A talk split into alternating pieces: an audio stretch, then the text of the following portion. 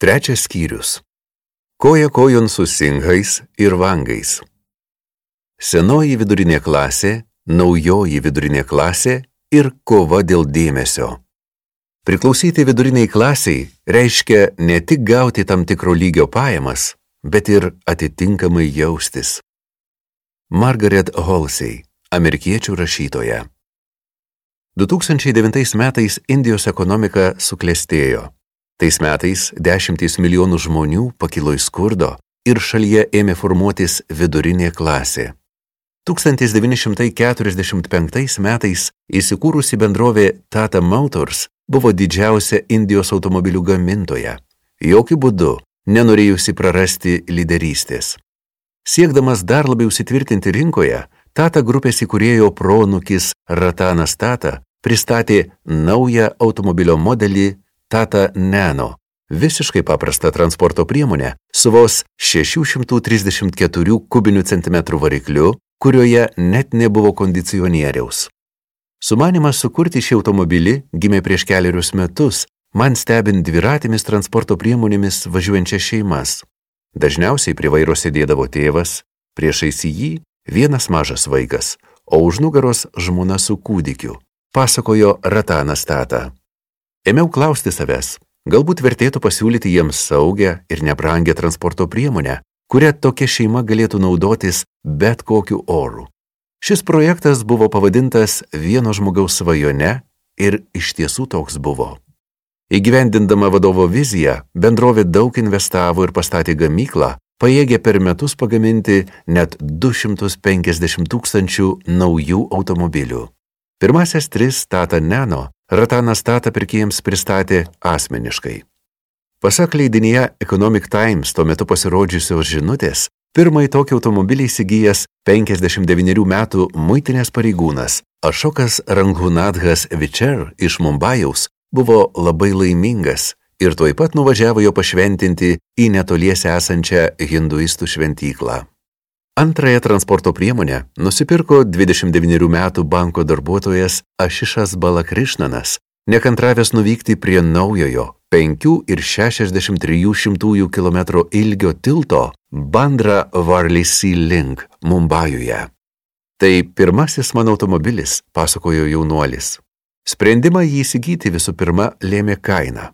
Tata Motors tikėjosi, kad toks požiūris liudyja besiformuojančios Indijos vidurinės klasės norą atsisakyti dviračių ir motociklų, kaip tai padarė 82 metų buvęs Mumbajaus policijos komisaro padėjėjas, į Nano pakeitęs savo motorolerį. Visgi bendrovės lūkesčiai neįsipildė. Vartotojai pradėjo pirkti ne Nano, o Suzuki, Hyundai, Toyota ir kitų užsienio gamintojų automobilius reklaminiuose skyduose perskaitę, kad Nano pigiausi automobiliai pasaulyje, pirkėjai ėmė sėti juos su vargšais. Įmoniai taip niekada ir nepavyko įvykdyti šio modelio pardavimo planų. Visuomenė ėmė laikyti Tata Nano būtent pigiausiu automobiliu. Ir dėja, mes patys, ne aš, bet mūsų įmonė, būtent taip jį reklamavome, pripažino Tata. Manau, tai buvo nesėkmė. Neno įeis į verslo istoriją kaip viena apmaudžiausių visų laikų įmonių klaidų. Man nepatinka, kaip žmonės vertina Neno ir tai susijęs su įvaizdžiu, aiškino 22 metų kompiuterių specialistas Sušankas Šarma. Į darbą važiuoju motoroleriu. Jeigu noriu pabendrauti su draugais arba susitikti su mergina, tada renkuosi automobilį. Visgi verčiau sėdėčiau namie, negu sėščiau prie Neno vairo.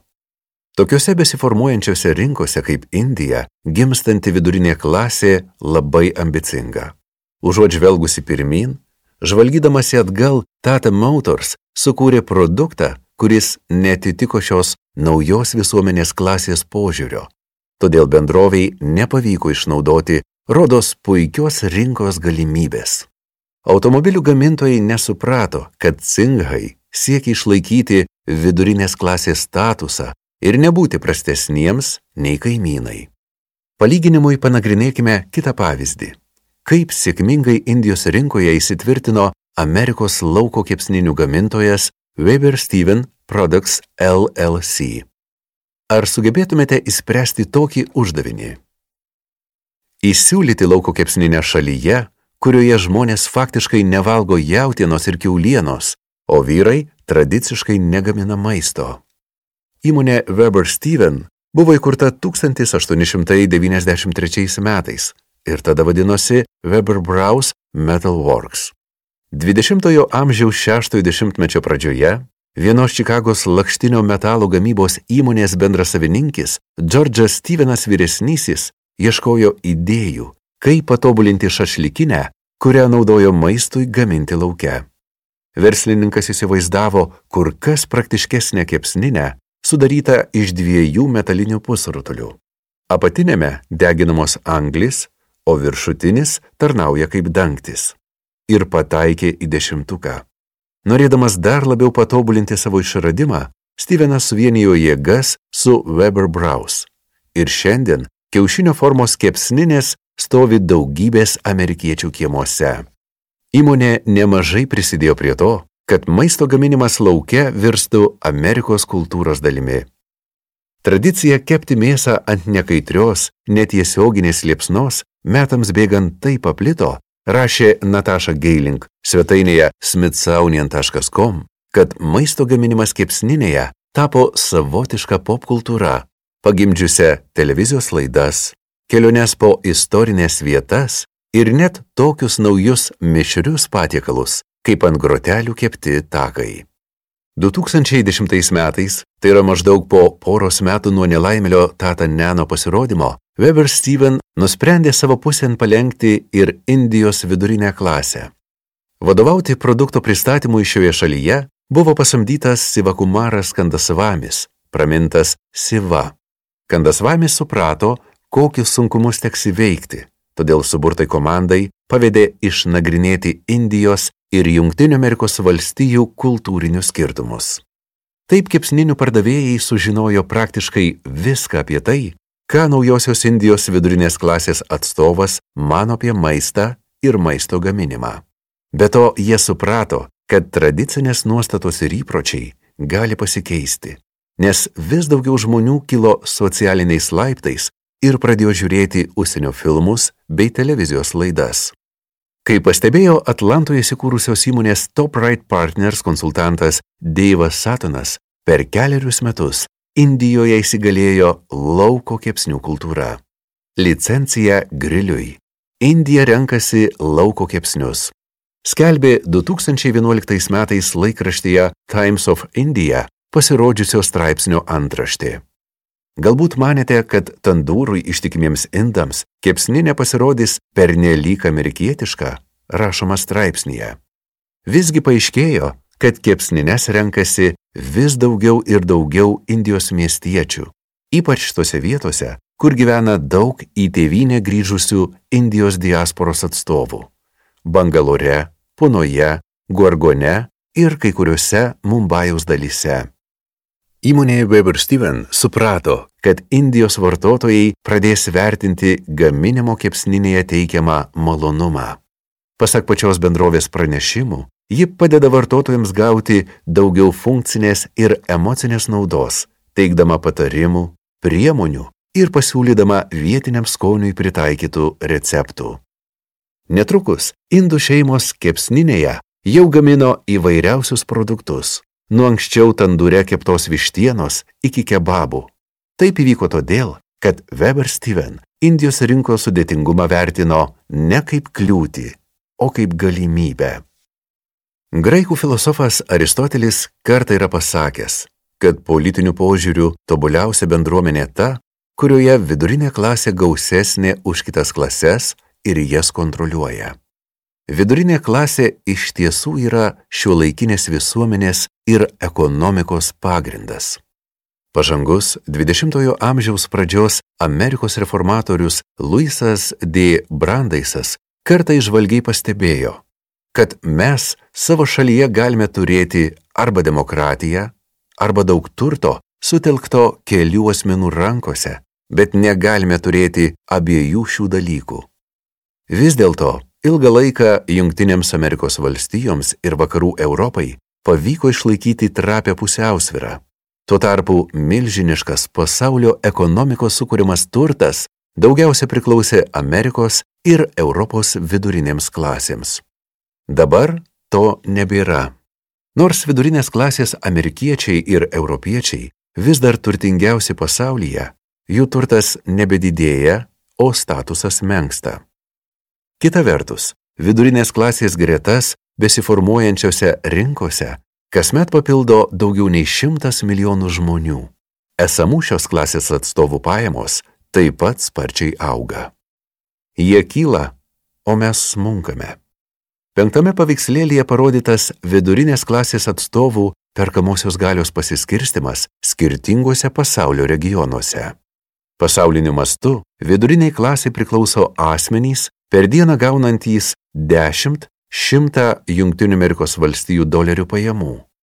Keturių asmenų šeimai tai apytiksliai užtikrina nuo 15 tūkstančių iki 150 tūkstančių Junktinių Amerikos valstijų dolerių metinės pajamas. Šiuo metu didžioji dalis pasaulio vidurinės klasės gyvena Jungtinėse Amerikos valstijose ir Europoje.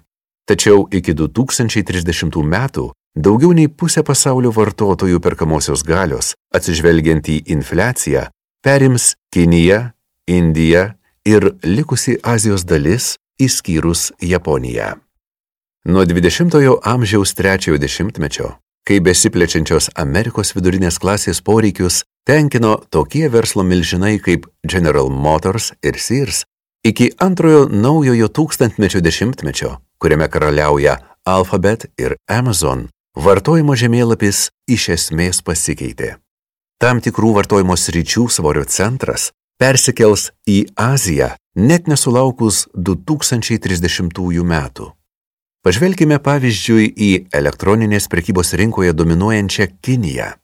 Vienišių diena Minima lapkričio 11 dieną visų pirma Kinijoje vertėjo pastaba, per kurią daugiausia perkama internetu 2017 metais atnešė 25 milijardus Jungtinių Amerikos valstijų dolerių pajamų, o kibernetinio pirmadienio priekybos apyvarta Jungtinėse Amerikos valstijose pasiekė vos 7 milijardus dolerių. Dar vienas rytis – azartiniai lošimai. Metinės bendrosios lošimų pajamos Kinijos pietuose esančiame Makau pusėsalyje sudarė 33 milijardus Jungtinių Amerikos valstijų dolerių. Kur kas įspūdingesnis skaičius palyginti su 7 milijardais dolerių Las Vegase.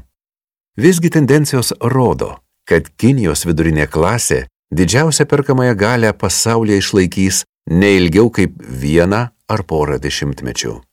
2030 metais dėl savo augimo potencialo patraukliausia besiformuojančia rinka taps Indija, šalis, kurios dauguma gyventojų jauni ir vis geriau įsilavinę.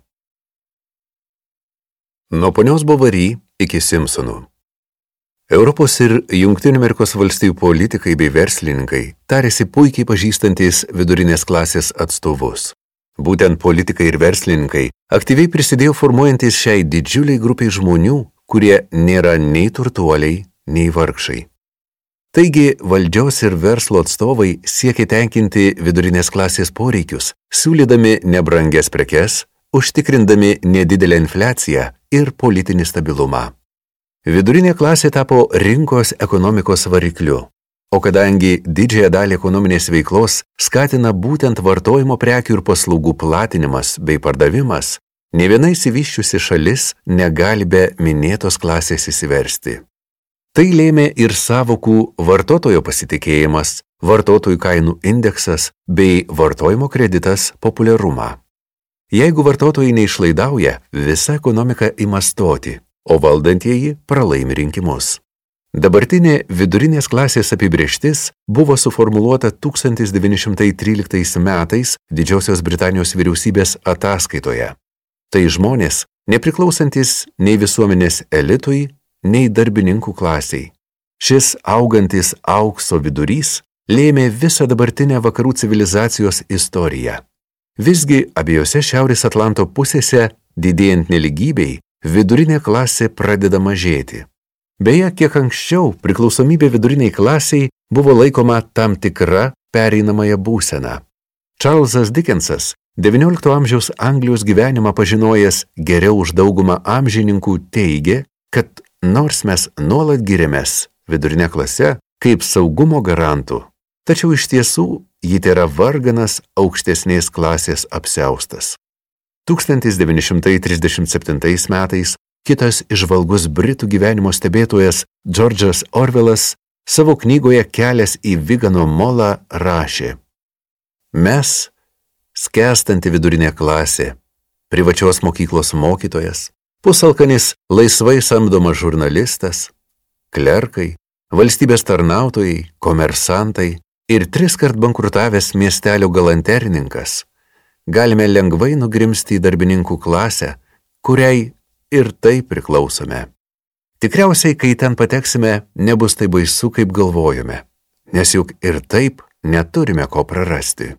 Ekonominių požiūrių vidurinė klasė yra patogaus gyvenimo sinonimas. Komfortas atėjo kartu su vidurinė klase, rašė Britų meno kritikas Klaivas Belas. Ekonomistai priklausimą viduriniai klasiai apibrėžia kaip gaunamas didesnės pajamas, nei reikia būtiniausiams išlaidoms, maistui, būstui ir įsilavinimui padengti. Vidurinės klasės vartotojai ima hipotekos paskolas, norėdami įsigyti nuosavą būstą, perka daugybę patogių būtinių prietaisų, vyksta atostogauti, leidžia vaikus į geras mokyklas ir planuoja, ką veiks išėję į pensiją. Kitaip tariant, Priklausimas viduriniai klasiai reiškia, ar bent jau anksčiau reiškia, tam tikrą ekonominį saugumą, kai nereikia gyventi nuo atlyginimo iki atlyginimo. Nors apibūdinti vidurinę klasę pagal gaunamas pajamas gana patogu, tačiau tokia apibrieštis gali ištrinti skirtumus tarp pavyzdžiui slaugytojos ir santechniko arba smulkaus verslo savininko ir buhalterio. Visi šie asmenys pagal pajamas gali priklausyti tai pačiai socialiniai klasiai, tačiau jų įsilavinimas ir karjera labai skiriasi. Nors paprastai manoma, kad duris į vidurinę klasę atveria aukštasis įsilavinimas, visgi nemažai jos atstovų tokio įsilavinimo nėra įgyję. Tiesą sakant, vidurinė klasė kur kas daugiau nei tik tam tikra ekonominė padėtis ar įsilavinimas. Priklausyti viduriniai klasiai reiškia ne tik gauti tam tikro lygio pajamas, bet ir atitinkamai jaustis, rašė sąmojinga amerikiečių rašytoja Margaret Halsey. Kitaip tariant, priklausimas viduriniai klasiai yra ir pajamos, ir tam tikra socialinė bei psichologinė savivoka. Vidurinės klasės atstovų mąstyseną puikiai apibūdino prancūzų rašytojas Gustavas Flauberas savo romane Pone Buvary. 1856 metais. Jame rašoma apie moterį, kuri jautėsi įkliuvusi į vidurinės klasės pastus. Vidurinė klasė keistoka, tvirtino kita žymi rašytoja J.K. Rowling. Ji ir geriausiai pažįstama ir labiausiai pretenzinga, būtent todėl ji tokia įdomi. Vidurinė klasė tai ne tik siekiai, bet ir noras pasirodyti prieš kitus. Tokia Pagrindinė Arturo R. Maumando komiksų Neatsilikime nuo Džonsų tema. Ši serija 1913-1938 metais buvo kasdien papildoma naujais komiksais. Būtent tada, kai pradinė Amerikos vidurinės klasės suklestėjimą pakeitė didžiausias nuosmukis per didžiąją depresiją. Nors varžymasis dėl padėties visuomenėje toks pat senas reiškinys, kaip ir pati organizuota visuomenė, 20-ame amžiuje stiprėjant viduriniai klasiai jį papildė nauji aspektai. Smitams patinka nauja pjesė, Džonsai irgi eina jos pažiūrėti ir vėliau kartoja Smito vertinimą. 1901 metais rašė Markas Tvenas savo esė Kukurūzų paplotėlio nuomonė. O dabar persikelkime į ateitį, kurioje mūsų laukia animacinis serialas Simpsonai. Šio serialo veikėjai, Simpsonų šeima, turi nuosavą namą ir gyvena kvartale, kuriame daugiausiai įsikūrę mažų įmonių savininkai bei specialistai, tėvas bando įvairius nejuodus darbus, motina rūpinasi namais, šeima vyksta atostogauti, taupo vaikų studijoms, turi augintinių ir panašiai. Visgi tik šešto sezono 23 serijoje Homeris Simpsonas prisipažįsta priklausas viduriniai klasiai. Tiesą sakant, jis tiesiog parodė algalapį, pagal kurį galima apskaičiuoti, kad šis veikėjas per metus uždirba 37 tūkstančius Junktinių Amerikos valstijų dolerių. 2016 metais tai atitiko vidutinių pajamų kategoriją. Vidurinė klasė nepaprastai didelė ir plati, todėl nenuostabu, jog atstovų vertybės labai skiriasi. Istoriškai susiklosti, kad su šia klase siejamos tokios savokos kaip padarumas, stabilumas, deramas elgesys ir garbingumas. Šias savybės ypač taikliai apibūdino amerikiečių romanistė ir dramaturgė Gertrude Stein. Tiesiog manau, kad vidurinės klasės idealai, kurie skatina žmonės būti jautriems, garbingiems, sažiningiems ir patenkintiems, kad šie vengtų perdėto emocingumo ir puoselėtų ramybę, patrauklus ir man, Trumpai tariant, tai darnaus šeimos gyvenimo ir garbingo verslo idealai. Kita vertus, vidurinė klasė neretai siejama su konformizmu, o tyrimai atskleidžia, kad šios klasės atstovams būdingas didesnis nerimas dėl savo padėties nei aukštesnės ar žemesnės klasės atstovams.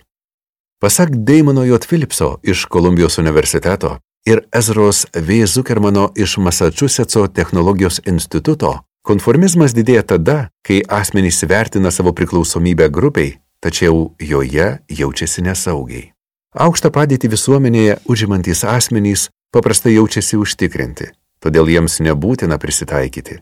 O žemųjų visuomenės sluoksnių atstovai drąsiai prieštarauja priimtai praktikai, nes patiria atskirti, kad ir ką darytų. Kita vertus, esantys visuomenės viduryje jaučia spaudimą prisitaikyti tiek norėdami pakilti socialiniais laiptais, tiek baimindamiesi nuslysti žemyn. Bet to nepamirškime, kad vidurinės klasės elgesys nėra toks durybingas, kaip bandoma tvirtinti.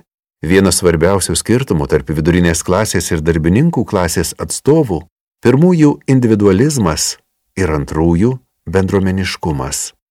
Visuomenės vidurio atstovas auklėjimas pabrėžiant individualų pasirinkimą ir nepriklausomybę o klasikinis darbininkų klasės etosas susijęs su solidarumu ir tarpusavio priklausomybė. Pasirodo, kad neetiškas elgesys dažniau pasitaiko būtent vidurinėje klasėje, o prosocialus ir altruistinis elgesys būdingas darbininkams. Leidinėje Proceedings of the National Academy of Sciences paskelbtas trimas atskleidė, jog aukštesnį klasį priklausantis asmenys vairuodami dažniau linkę pažeisti taisyklės, palyginti su žemesnės klasės atstovais. Be to jie dažniau elgesi neetiškai primdami sprendimus, kesinasi į kitiems priklausančias vertybės, meluoja darybose, sukčiauja, tikėdamiesi padidinti tikimybę laimėti apdovanojimą ir pritaria neetiškam elgesiui darbe.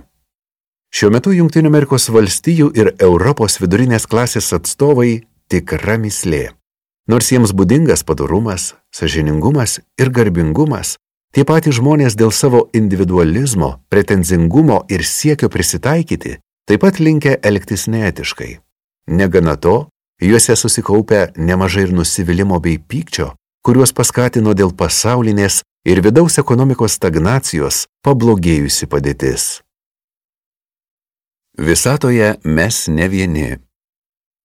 Joe Yuanian gimė vidinės Mongolijos regione Kinijoje. Vėliau jį persikėlė į kaimą esantį ties šeštuoju Pekino aplinkeliu ir pusantros valandos kasdien važinėdavo į miestą, kuriame pradžioje dirbo padavėja, o vėliau nekilnojamojo turto agentė. Finansiniai padėčiai gerėjant, mergina kartu apsigyventi pasikvietė savo motiną ir dabar jos abi mėgaujasi komfortu, kurį suteikia naujas darbas, gyvenimo būdas ir padėtis visuomenėje.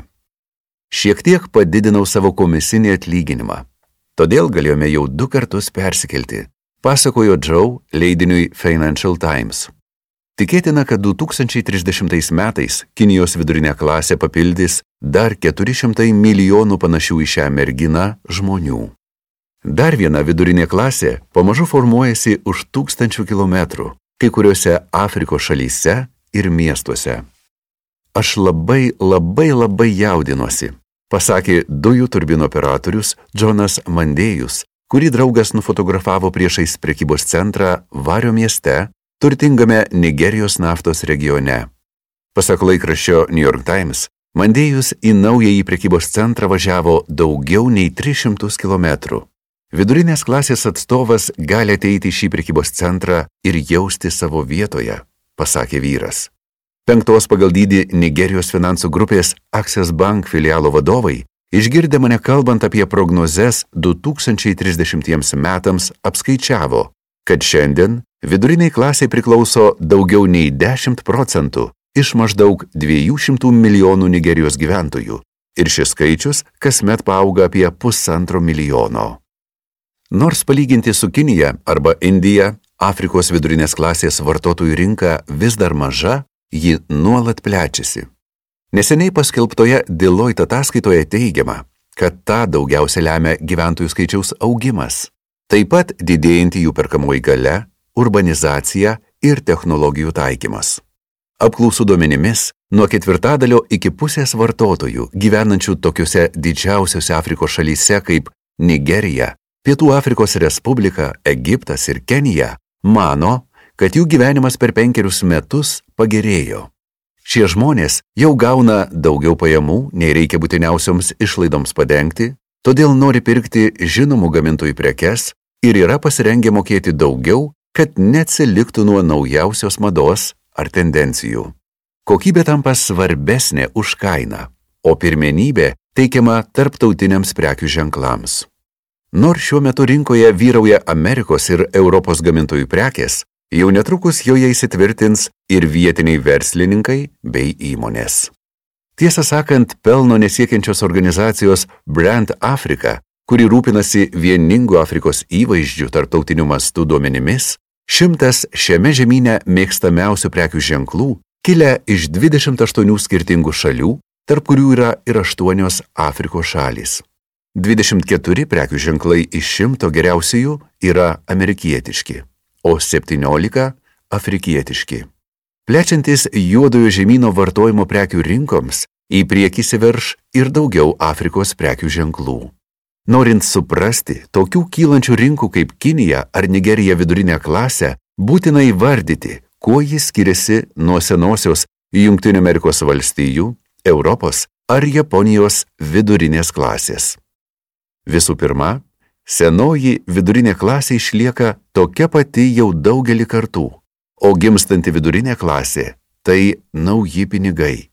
Ir nors vidutinės pajamos vienam vidurinės klasės atstovui Junktinėse Amerikos valstijose, Europoje arba Japonijoje maždaug tris kartus didesnės už vidurinės klasės atstovų iš Kinijos, Indijos ar kitų besiformuojančių rinkų pajamas, pirmosios jau kurį laiką neauga. Tai, kad senųjų ir naujųjų šalių vidurinės klasės atstovai priklauso skirtingoms kartoms ir gauna skirtingas pajamas, lėmė, jog besiformuojančių šalių vidurinės klasės vartotojai kur kas ambicingesni. Kodėl iPhone toks, koks yra? Telefonas iPhone geidžiamiausia 21 amžiaus pradžios vidurinės klasės vartotojų prekė. Tai ne tik telefonas, bet ir kalendorius, interneto naršyklė, fotoaparatas, skaičiuotuvas, žibintuvėlis, muzikos ir vaizdo įrašų grotuvas, elektroninių knygų skaityklė ir daugybė kitų dalykų sutalpintų viename, itin universaliame ir lengvai valdomame įrenginyje, kuris savo skaičiavimo gale pranoksta Apollo misijos kompiuterį ar išgalvotą kalbantį superkompiuterį HEL iš filmo 2001 metų Kosminė Odisėja. Mano iPhone jutiklinis ekranas tiesiog nuostabus, tačiau atidžiai pažiūrėkite į telefono pakuotę. Ženklas FCC reiškia, kad gaminys atitinka Federalinės ryšių komisijos, Junktinių Amerikos valstijų valstybinės įstaigos nustatytus techninius ir saugos standartus. O CE, kad jis atitinka panašius standartus taikomus ES parduodamoms prekiams.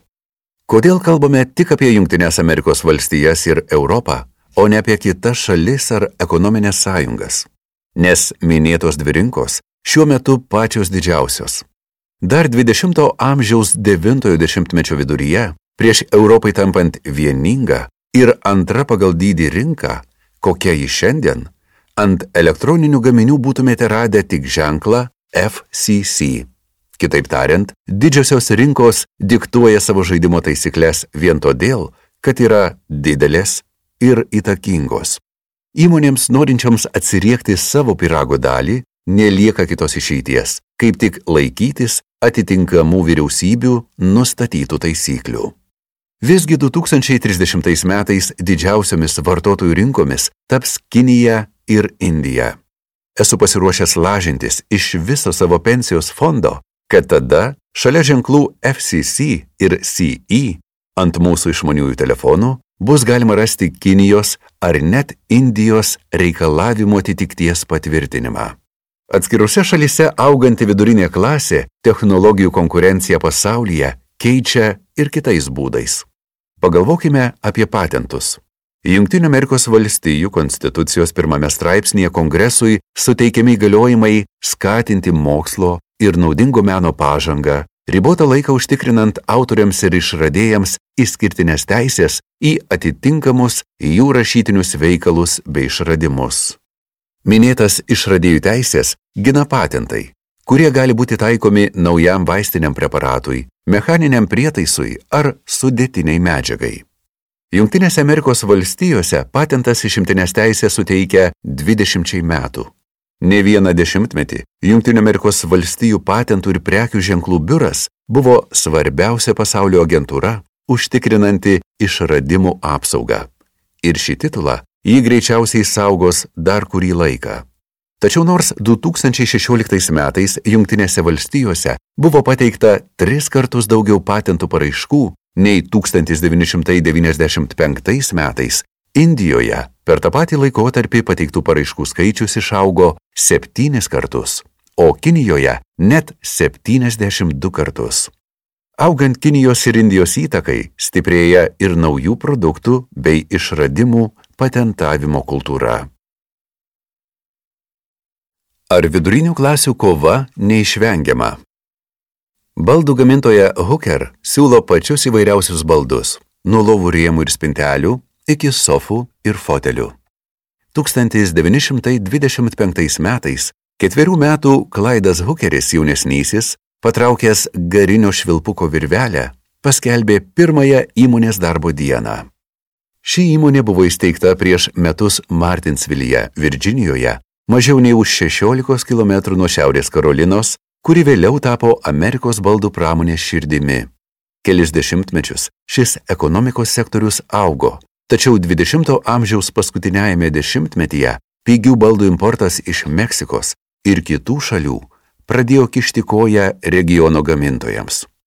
Mūsų klientai vis dažniau atsisakydavo pirkti vietinius baldus, pasakė Hooker valdybos pirmininkas ir generalinis direktorius Paulas Tomsas.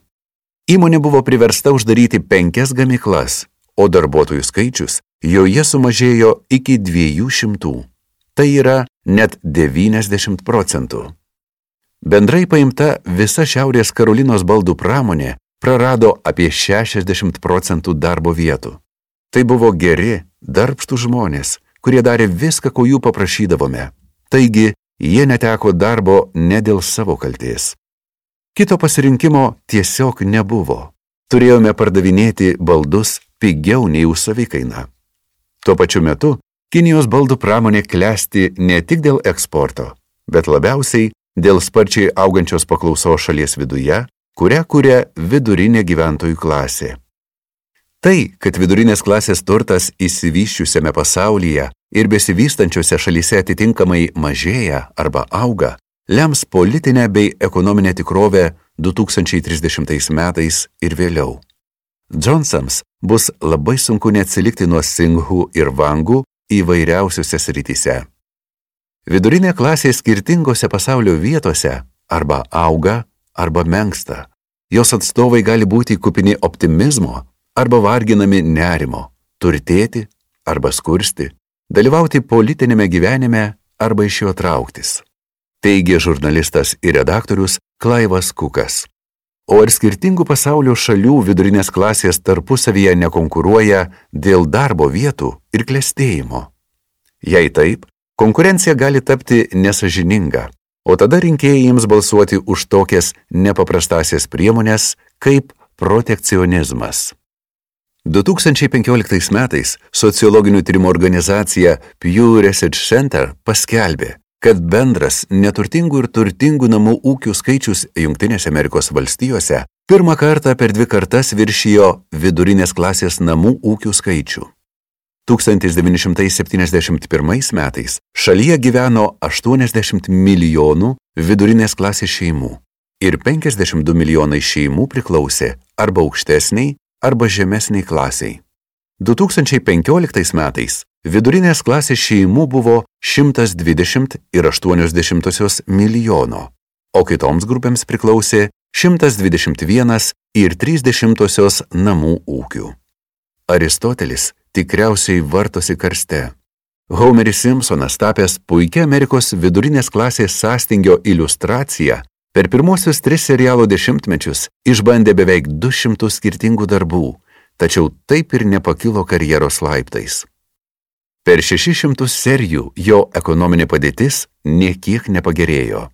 Dėl negerėjančio, o gal net blogėjančio Amerikos ir Europos vidurinės klasės gyvenimo lygio Politikai ir ekspertai betodairiškai kaltino imigraciją, nesažiningą besiformuojančių šalių konkurenciją ir elito bejingumą tamsiosioms globalizacijos pusėms. Toks požiūris galiausiai paskatino Brexit, o Junktinių Amerikos valstijų prezidentu buvo išrinktas Donaldas Trumpas. Pasaulinę ekonominę ir geopolitinę santvarką susikloščiusią po antrojo pasaulinio karo smarkiai puola tiek kairieji, tiek dešinieji. Kova vyksta ir tarp įmonių. Besiformuojančiose rinkose įmonių kasdien vis daugėja ir jos auga, o Europoje ir Junktinėse Amerikos valstijose mažėja, įskyrus nebent technologijų sektorių. Tačiau net ir šios sektoriaus įmonės Kinijoje ir Indijoje auga ne tik dėl didėjančio aptarnaujamų gyventojų skaičiaus, bet ir dėl to, kad vis daugiau žmonių naudojasi skaitmeninėmis paslaugomis. Tiesą sakant, plačiajuoščio ryšio, socialinių tinklų ir mobiliųjų mokėjimų paslaugų vartotojų Kinijoje arba Indijoje jau daugiau nei Junktinėse Amerikos valstijose. Ir šis atotrukis tik didės. Kaip seksis Europos ir Amerikos įmonėms, kai pasaulinis vidurinės klasės vartojimo svorio centras persikels į Aziją? Ar jos pajėgs konkuruoti dėl rinkos dalies su kolegomis iš užsienio? Elektroninės prekybos portalas Alibaba yra didesnė įmonė už Amazon, dydį neseniai perpirko Uber veiklą Kinijoje, o Indija gali didžiuotis, kad šio šalies informacinių technologijų sektoriuje jau dirba daugiau technikų ir inžinierių negu Junktinėse Amerikos valstijose. Stiprios įmonės svarbios viduriniai klasiai, nes būtent jos kuria darbo vietas, kuriuose mokamas neblogas atlyginimas, gali pasiūlyti karjerą ir profesinį tobulėjimą. Visgi dabartinė po globalizacinė ekonomika reiškia ir įtemptą konkurencinę kovą visiems, ypač senai viduriniai klasiai, dėl kurios silpsta netgi tokios milžinės kaip General Motors ir Sears. Dabar pažvelkime į naujų tipų įmonės, pavyzdžiui Spotify ir Airbnb. Tai dvi gerai žinomos technologijų srities lyderės arba vienaragiai - privačios įmonės, kurių kapitalo vertė viršyje 1 milijardą valstijų dolerių. Daugelį metų jos buvo investuotojų į startuolius ir rizikos kapitalistų numylėtinės. Visgi daugiausia šių įmonių klientų gyvena Europoje ir Amerikoje. Iš šių regionų jos gauna ir daugiausia pajamų. Airbnb neįtin sekasi plėstis. Spotify nepraneša, kiek klientų turi Kinijoje ar Indijoje, tačiau pažymėtina, kad abi šios šalys priskiriamos bendrai kategorijai likęs pasaulis. Kodėl tokia įmonė kaip Spotify negali pasiekti dviejų šalių rinkų, kurios netrukus taps didžiausios pasaulyje? Atrodo, jog kažkas klostosi ne taip. Netgi Netflix, Junktinių Amerikos valstijų įmonė, veikianti daugiau nei 190 šalių, valdanti apie 20 procentų viso pasaulio srautinio perdavimo ir turinti daugiau prenumeratorių bei gaunanti daugiau pajamų iš transliacijų į užsienį nei šalies viduje, kol kas neskuba žengti į Kinijos rinką. Tiesa, įmonė jau siūlo turinį mandarinų kalba, tačiau jis skirtas kinų diasporai. Nors Indijoje Netflix susiduria su mažiau kliūčių, visgi įmonė buvo priversta mažinti prenumeratos kainas, kad paspartintų vangų augimą. Indijai skirtame leidinyje Economic Times 2019 metais buvo rašoma. Netflix, kuri jau kovoja su tokiais pasauliniais milžinais kaip Walt Disney Co. ir Amazon.com, dabar turi konkuruoti ir su galinguoju Bollywoodu bei milijardierių remiamais, belaidžio ryšio tiekėjais, kurie vilioja vartotojus nemokamais pasiūlymais arba prenumerata vos už 40 centų per mėnesį. Tokia ir ši konkurencija gali sutrukdyti generaliniam direktoriui Rydui Hastingsui pasiekti iškeltą tikslą - 100 milijonų klientų Indijoje. Tuo metu, kai buvo rašomas minėtas straipsnis, Netflix Indijoje turėjo tik 4 milijonus klientų, nors šios šalies vaizdo įrašų transliacijos rinka dvigubai didesnė už Amerikos. Ar Amerikos įmonės praranda pozicijas? Apskritai tariant, jei įmoniai pavyko atrasti kelią į senosios vidurinės klasės širdį, nėra jokios garantijos, kad jai taip pat pavyks susikalbėti ir su nauja vidurinė klase. Egzistuoja daugybė nesėkmių istorijų apie Amerikos įmonės, visiškai nesuprantančias vartotojų, iš besiformuojančių rinkų pageidavimų ir įpročių. Tai gali atrodyti akivaizdu, tačiau minėtų šalių vidurinė klasė nebūtinai mėgsta tai, kas patinka amerikiečiams. Pavyzdžiui, eBay Kinijoje nuolat atsiliko nuo Taobo, nes nepripažino, kad Kinijos vartotojai nori tiesiogiai bendrauti su tiekėjais ir jiems mažai rūpi reitingų sistema. Walmart pardavinėjo slides Brazilijoje, šalyje, kurioje nėra snieguotų kalnų, ką jau kalbėti apie slidinėjimo trasas, ir prekes didmeninėmis pakuotėmis Pietų Korejoje, nors šios šalies pirkėjai mieliau renkasi nedidelius kiekius. Taip pat pamirštamas skirtingas požiūris į parduotuves. Indijos ir Kinijos vartotojai didelės parduotuves sieja su aukštomis kainomis, o Junktinėse Amerikos valstijose su pigiausiomis prekėmis. Egzistuoja dar vienas potencialiai pavojingas reiškinys susijęs su plintančiu vidurinės klasės elgesiu besiformuojančiose rinkose, tokiuose kaip Kinija. Jaunoji vartotojų karta netaupo tiek, kiek taupydavo jų tėvai ir seneliai. Mano tėvų kartos atstovams gauti gerą, nuolatinį darbą jau buvo laimėjimas. Taigi jie taupė pinigus, pirko namus ir augino vaikus. Tvirtino tūkstantmečio kartos atstovas, rinkodaros specialistas iš Šanhajaus Liu Bitingas.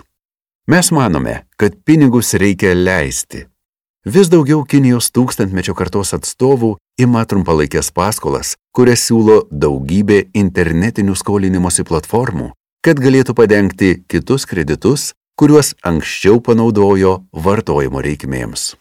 Jų ranting taip pat dirba rinkodaros rytyje Šanhajuje, tačiau jos mėnesio pajamos tai yra apie 1300 JAV dolerių ir jų vos pakanka būsto nuomai bei būtiniausioms reikmėms padengti. Visgi, pasak Kinijos prabangos prekių apžvalgos portalo Chin Daily, mergina įsigijo per petį permetamą rankinę Selins Medium Classic Box. Mažmeninė kaina 4400 Junktinių Amerikos valstijų dolerių.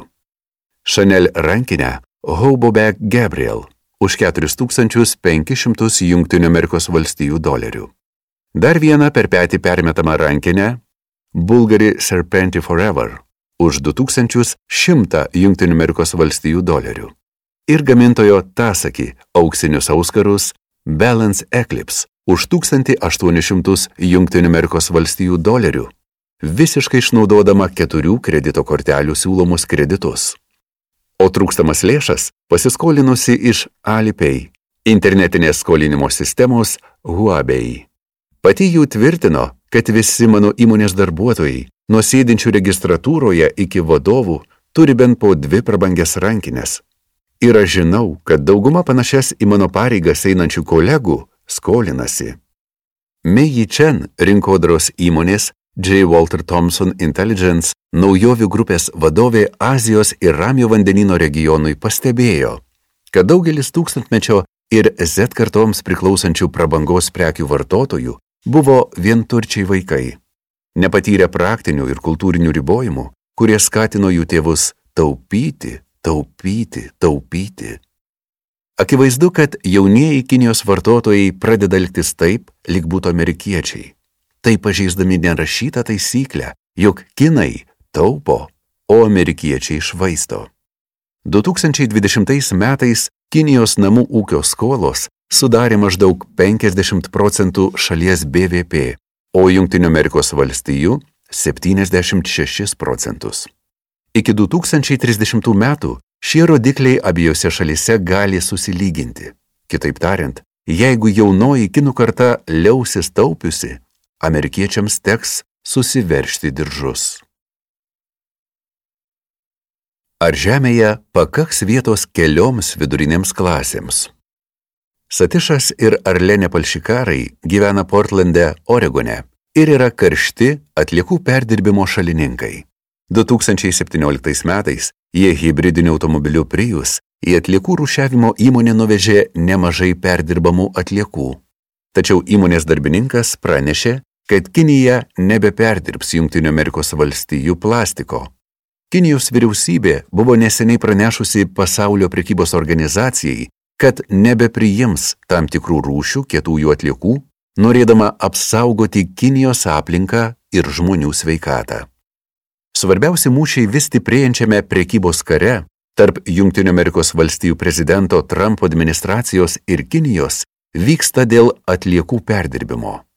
Anksčiau iš Kinijos į Junktinės Amerikos valstijas būdavo gabenamos pagamintos prekės, o Junktinės Amerikos valstijos į Kiniją siūsdavo atliekas ir perdirbamas medžiagas. Tai buvo abiems šalims naudingas susitarimas. Viduriniai klasiai priklausantys Amerikos vartotojai sukuria daugiausia atliekų pasaulyje. Trečdalį perdirbamų atliekų Junktinės Amerikos valstijos eksportuoja. Ir maždaug pusė šio eksporto keliauja į Kiniją. Anksčiau Kinija per metus priimdavo apie 47 milijonus tonų plastiko atliekų, kurias vėliau perdirbdavo. Visgi dabar Kinijoje, Indijoje ir kitose besiformuojančių rinkų šalyse susikūrė sava vidurinė klasė, kuria reikia rūpintis, o vietinių perdirbamų atliekų taip pat netrūksta. Kinijai atsisakius perdirbti kietasias atliekas, nebeaišku, kur jos pateks. Plastiko gaminama ir naudojama vis daugiau, o įmonės ir šalys įsipareigoja pereiti prie žiedinės ekonomikos. Taigi artimiausioje ateityje plastiko atliekų, kurias reikia kažkur sunaudoti, kiekis ir toliau didės. Rašoma Džordžijos universiteto tyrimo išvadose. Kur dabar reikės dėti plastiko atliekas, jei nebus pasiūlyta drąsių naujų idėjų ir valdymo strategijų, dabartinių perdirbimo rodiklių pasiekti nebepavyks, o plataus užmojo būsimo perdirbimo tikslai ir terminai taip ir liks nepasiekti. Tiesą sakant, Europoje ir Junktinėse valstijose vėl atsinaujinusią kovą su plastiko atliekomis visų pirma įžiebė Kinijos atsisakymas jas priimti, o ne rūpinimasis aplinka. Vidurinės klasės augimas visame pasaulyje reiškia, kad vis mažiau žmonių gyvena žemiau skurdo ribos. Ši tendencija sveikintina, tačiau ji skatina kelti tokį keistą klausimą, koks laikraštyje New York Times buvo taikliai užduotas 2001 metais. Ar mūsų planeta sugebės išlaikyti daugiau Amerikų? Ar galite įsivaizduoti pasaulį, kuriame 2 milijardai besiformuojančių rinkų gyventojų vartoja panašiai kaip vidutinis amerikietis? Bendras vidurinės klasės vartojimas pasaulyje 2020-2030 metais auks apie 55 procentus. Pavyzdžiui, matydami, kad jų pajamos auga, žmonės ima valgyti daugiau baltymų, o keulieną ar vištieną ant jų stalo netrukus pakeičia jautieną. Vienam svarų jautienos pagaminti vidutiniškai reikia apie 6800 litrų gėlo vandens. Pagalvokime ir apie žaliavas, kurių reikia automobiliui ar skalbyklį pagaminti, taip pat degalų ar elektros energijos, be kurio jie neveiks. Turėsime atrasti nestandartinių būdų, kaip išvengti konfliktų dėl ribotų gamtos išteklių, tokių kaip vanduo, naudingosios iškasenos ir energija. Mums taip pat reikės darbininkų, inžinierių ir verslininkų, kurie sukurs ir įgyvendins geresnes ribotų išteklių valdymo sistemas. Galbūt netgi būsime priversti atsisakyti švaistimo, kaip matysime septintame skyriuje. Tūkstantmečio kartos sunkumai tapti vidurinę klasę. Šiuo metu laikinai dirbu draudimo ir perdraudimo įmonėje nagrinėju prašymus dėl žalos atlyginimo, rašo vienas Reddit žinutės autorius. Laikinai dirbti turėjau šešis mėnesius. Darbdaviai sakė, kad perdavė mano duomenis ir aš tapsiu nuolatiniu darbuotoju. Praėjo dešimt mėnesių, bet daugiau niekas apie tai nė neusimena. Man tiesiog reikia nuolatinio darbo, o ne šito mėšlo su valandiniu atlyginimu. Studijavau rinkodarą, bet kažkodėl dirbu finansinės rizikos valdymo srityje. Ką darau ne taip? Kitos žinutės autorius skundėsi, kad ketverius metus studijavo verslo vadybą. Manau, kad galėjau pradėti dirbti iškart baigęs vidurinę mokyklą, būčiau per metus uždirbęs tiek pat ir nebūtų reikėjęs studijoms išvaistyti daugiau nei 40 tūkstančių. Trečiasis rašė, stebuklų neįvyks tik todėl, kad turi diplomą. Nesvarbu, ką tau sakė mama ir tėtis. Jeigu neturi patirties, greičiausiai tave pasamdys už mažesnį atlyginimą. Aišku, jei tik esi pakankamai žavus, kad įtikintum tave samdyti. Panašus pasakojimai atskleidžia bendrą vaizdą. Vidurinė klasė Europoje ir Junktinėse Amerikos valstijose menksta ne tik todėl, kad dėl pasaulinės konkurencijos ar automatizavimo žmonės praranda gerai apmokamas darbo vietas, bet ir dėl to, kad jaunimas karjeros pradžioje negali gauti pastovaus darbo. Tokių darbo vietų tapo tiesiog mažiau. Jaunesnių kartų atstovams kur kas sunkiau prasibrauti į vidurinę klasę.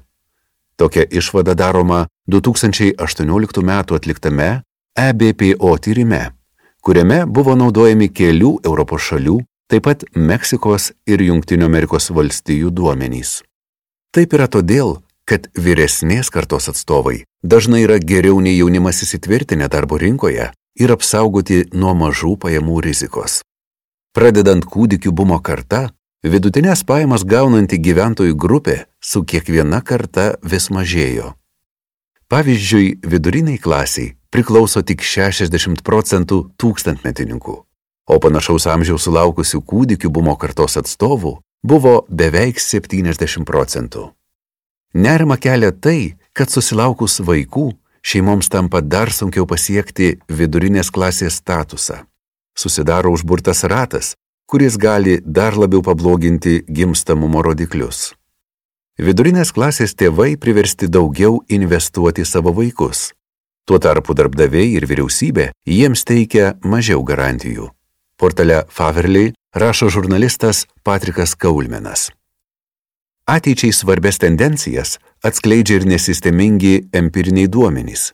Pavyzdžiui, namų ūkių, kuriuose auga vaikai dalis, Vidutinių pajamų klasėje Junktinėse Amerikos valstijose ir Europoje taip pat sumažėjo. Porų su vaikais nuo 72 iki 68 procentų, o vienišų tėvų nuo 55 iki 44 procentų. 2030 metais Europoje ir Junktinėse Amerikos valstijose matysime ne tik sumažėjusią vidurinę klasę, bet ir labiau polarizuotą visuomenę nes didesnė dalis vaikų gims neturtingose arba itin turtingose šeimose, o mažiau jų galės mėgautis tradiciniu vidurinės klasės komfortu. Dar viena įdomi tendencija ta, kad vyresniems kaip 60 metų žmonėms Junktinėse valstijose ir Europoje tenka didesnė vidurinės klasės dalis nei buvo anksčiau, nes daugelis jų turi gerai apmokamą darbą, jau užaugino vaikus ir sugebėjo šiek tiek sutaupyti. Vidutinės pajamas gaunančių asmenų klasės sudėtis iš esmės pasikeitė. Tokia išvada daroma EBPO tyrime. Pastaruosius 30 mečius ši klasė sensta greičiau nei visa visuomenė. Tikimybė gauti vidutinės pajamas kiekvienai kartai po kūdikių bumo kartos tampa vis mažesnė. Ar įmanoma susigražinti tai, kas buvo?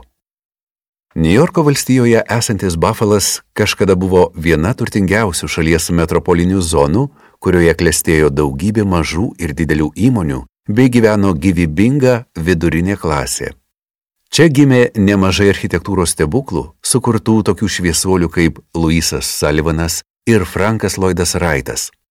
Pasak New Yorko centrinio parko dizainerio Frederiko Lo Olmstedo, Buffalas buvo geriausiai suplanuotas miestas Amerikoje, o gal net ir visame pasaulyje. Dizaineris šį miestą vadino demokratišku ir klestinčios lygybės miestu. 1804 metais miesto plane numatyta spindulinė gatvių sistema su įsiterpusiais kvartalais. Netoliese tyvuliuojantis ežeras įkvėpė architektūros kritikę Eida Louise Huxtable pavadinti Buffalo nuostabiausio Amerikos miesto kraštovaizdžiu. Buffalas taip pat gali didžiuotis pirmuoju šalies modernaus meno muziejumi, Albrighto ir Nokso meno galerija, kuri buvo įkurta 1862 metais. Jis taip pat buvo pirmasis Junktinių Amerikos valstijų miestas, kuriame gatves buvo nuspręsta apšviesti elektriniais gatvių žibintais. Visgi nuo 20 amžiaus 60-ojo dešimtmečio šlovinga Buffalo istorija gerokai pritemdė gamybos nuosmukio padariniai ir dideli mokesčiai vidurinės klasės miestiečiams. Ne vieną dešimtmetį miestą biurojo apleistos grūdų saugyklos, gamyklos, logistikos objektai ir apgriuvę biurų pastatai. Vis dėlto tokiems miestams yra vilties atsigauti. Jiems gali padėti imigrantai, Ir tai būtų dar vienas migracijos privalumas greta aptartų pirmame skyriuje. Taigi Buffalo, kurį, ar bent kai kurias jo dalis, kažkada pastatė imigrantai iš Europos, dabar ėmėsi gaivinti naujų imigracijos bangų iš Etijopijos, Somalio, Laoso, Mienmaro ir Serbijos atstovai. Pasak Davido Stebenso, daug rašiusio apie didžiųjų ežerų regiono miestų atgimimą, Šie nauji gyventojai atsineša darbo etiką ir verslumo dvasę, padedančią vėl apgyventi griūvančius kvartalus ir kurti naujas įmonės, kad užpildytų tuščias parduotuvių vitrinas. Minėta tendencija yra bendresnio modelio dalis. Atrodo, kad imigrantų įvairovė labai naudinga darbo jėgai. Rašoma 2017 metais paskelbtoje dvišalės New American Economy idėjų grupės analizėje, kurios išvados buvo pagristos 33 ir 50 milijono Amerikos darbuotojų atranka. Atvykus imigrantams, su savimi atsinešantiems įvairių naujų idėjų ir įgūdžių, darbdaviai gali užpildyti laisvas darbo vietas, kurios kitų atveju taip ir liktų laisvos. Taip pat ieškoti geresnių problemų sprendimų ir plėstis į naujas verslo sritis. Galiausiai dėl migrantų antplūdžio į didmiščius ir daug ir mažai uždirbančių žmonių atlyginimai vidutiniškai paauga net 6 procentais. Buffalas jau aplenkė kitus savo regiono miestus, įskaitant Rochesterį ir Sirakūzus.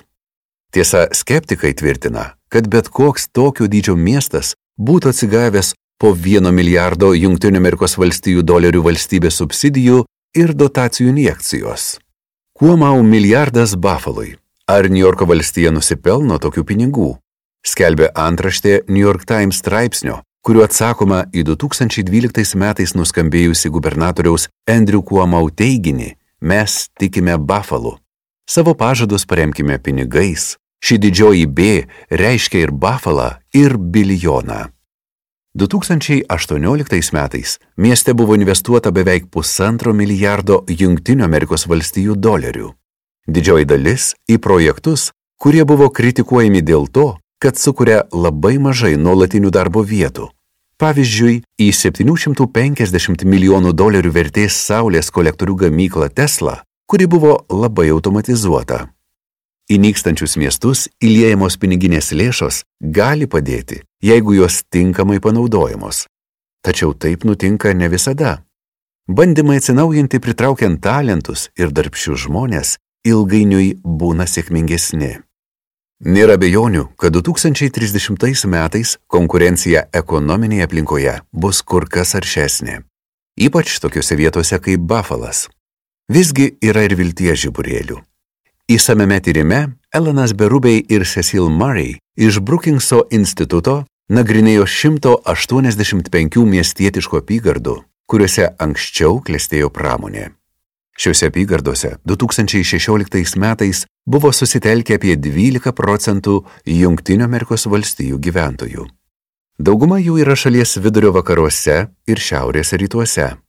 Atlikdami tyrimą, mokslininkai nustatė, kad nors daugiau nei pusiai tirtųjų vietovių pavyko atsigauti po krizės, 70 procentų nesugebėjo pasinaudoti 1970-2016 metais naujų technologijų ir paslaugų sektoriuose atsiradusiomis galimybėmis.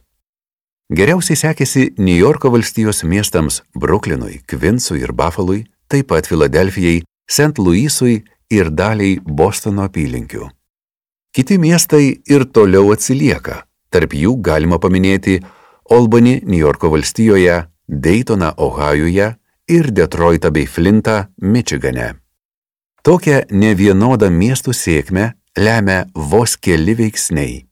Didelių universitetų, kuriuose vykdomi moksliniai tyrimai buvimas, vietinių politikų parama gyvenimo kokybės gerinimo iniciatyvoms, kurios pritraukia įvairius talentus ir atvirumas imigracijai.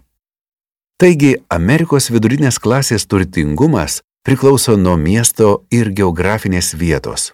Kai kurios metropolinės zonos auga, o kitos taip ir nenusikrato sąstingio. Ar įmanoma atkurti vidurinės klasės klėstėjimą daugumai gyventojų?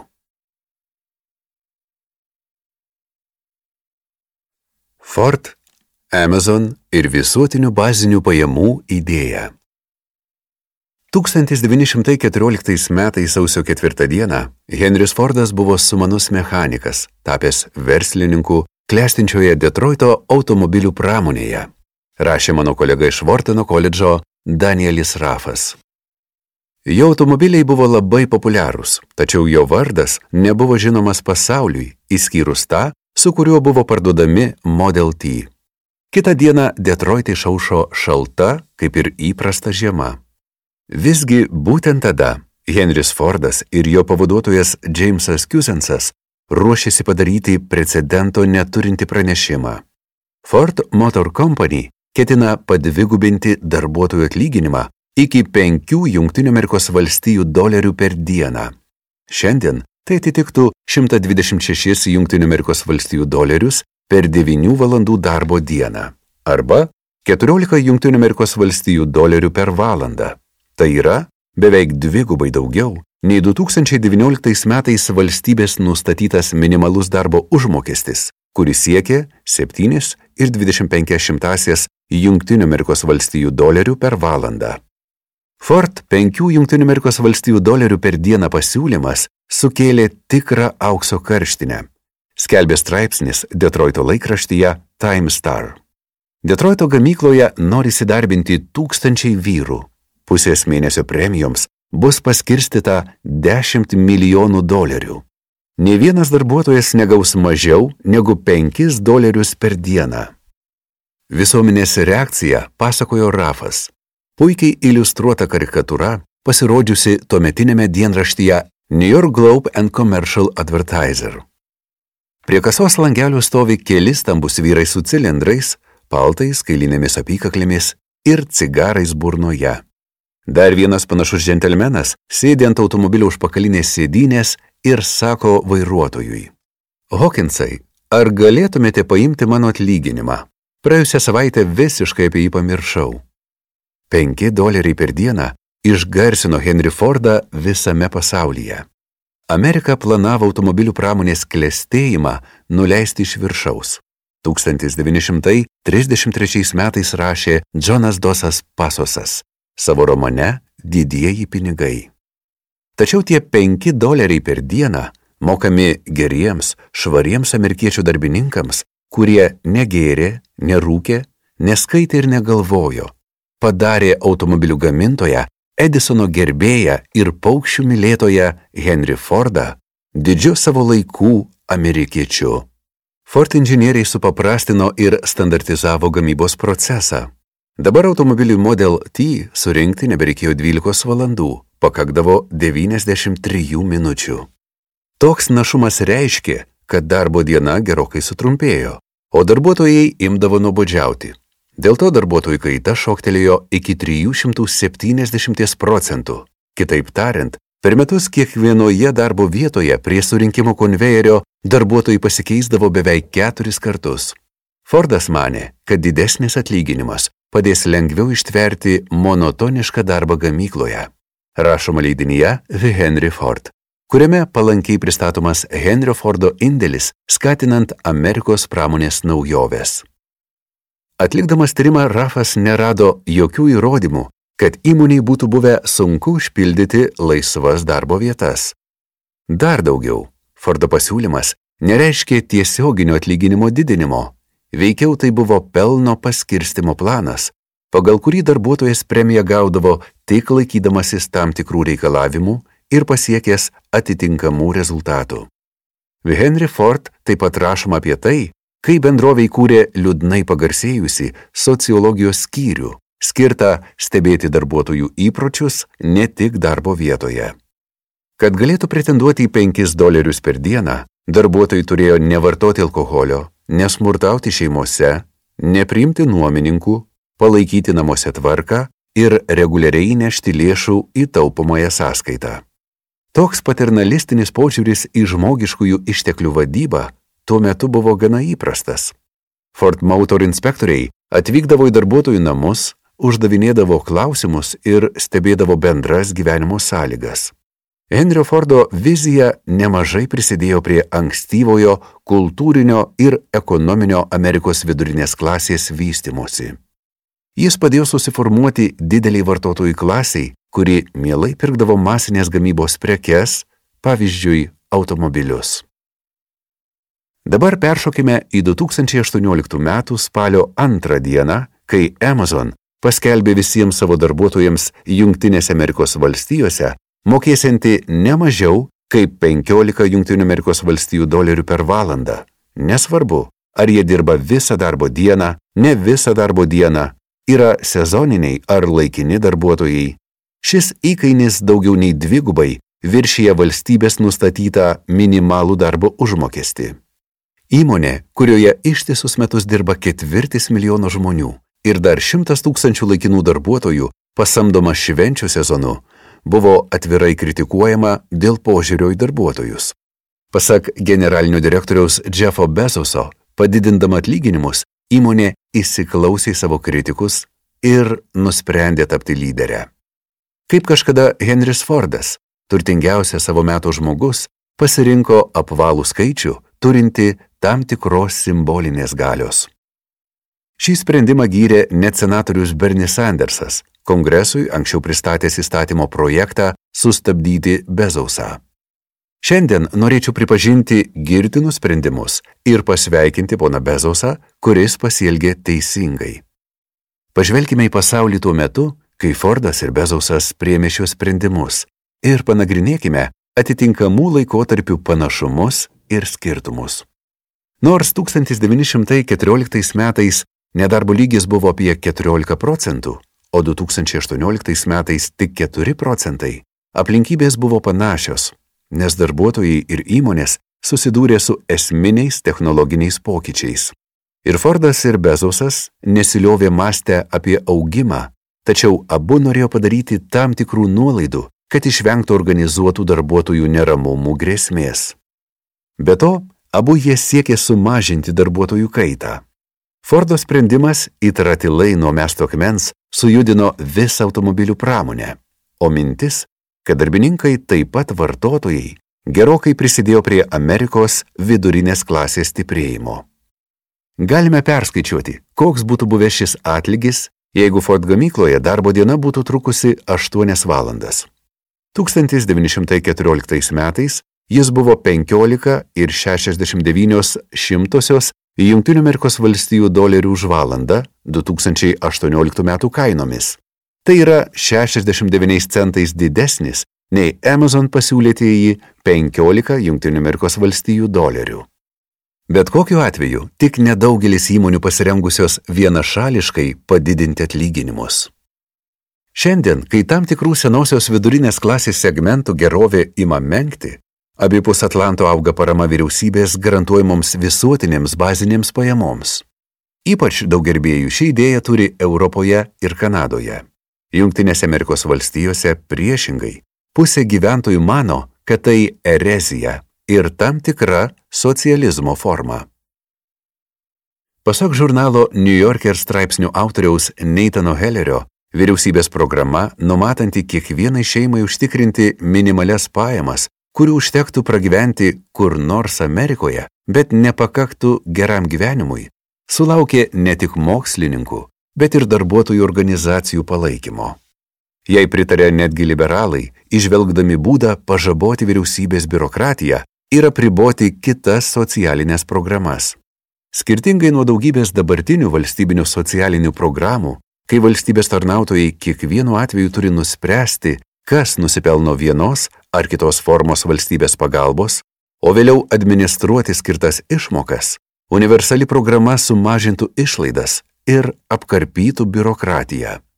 Tai taip pat būtų griežtai apibrieštos biudžeto išlaidos, nes vieną kartą nustačius remiamas pajamas asmeniui ar šeimai, būtų aišku, kiek lėšų reikia skirti paramos programai.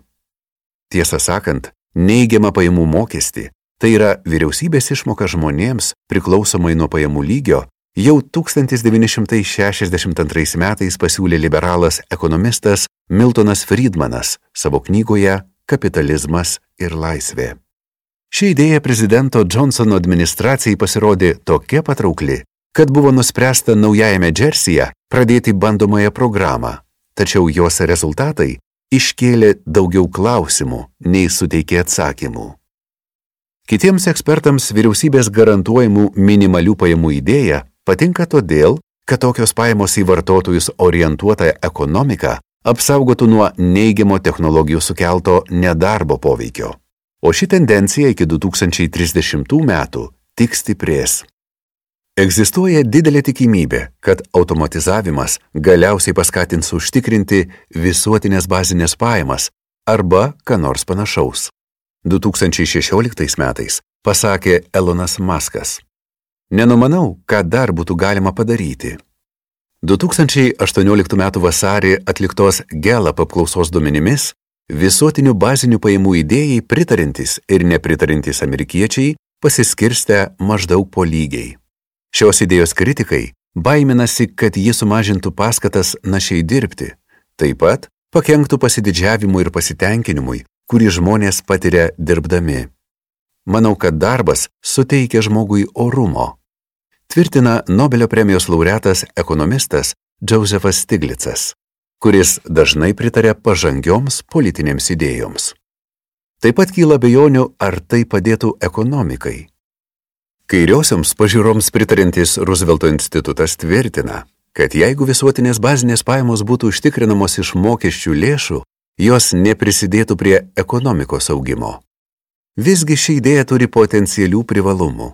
Bandomoji programa vykdyta Kanados Ontario mieste ir skirta vienišiems žmonėms, per metus uždirbantiems mažiau nei 26 tūkstančius dolerių bei poroms uždirbančioms mažiau nei 36 500 dolerių atskleidė, kad tokios pašalpos gavėjai jaučiasi turį daugiau galimybių, mažiau nerimauja, aktyviau dalyvauja visuomenės gyvenime ir gali investuoti į įsilavinimą ir darbo paieškas.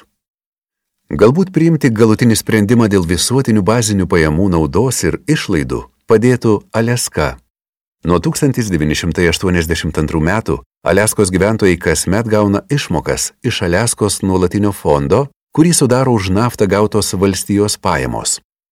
2018 metais tokia išmoka siekė 1600 Junktinių Amerikos valstijų dolerių.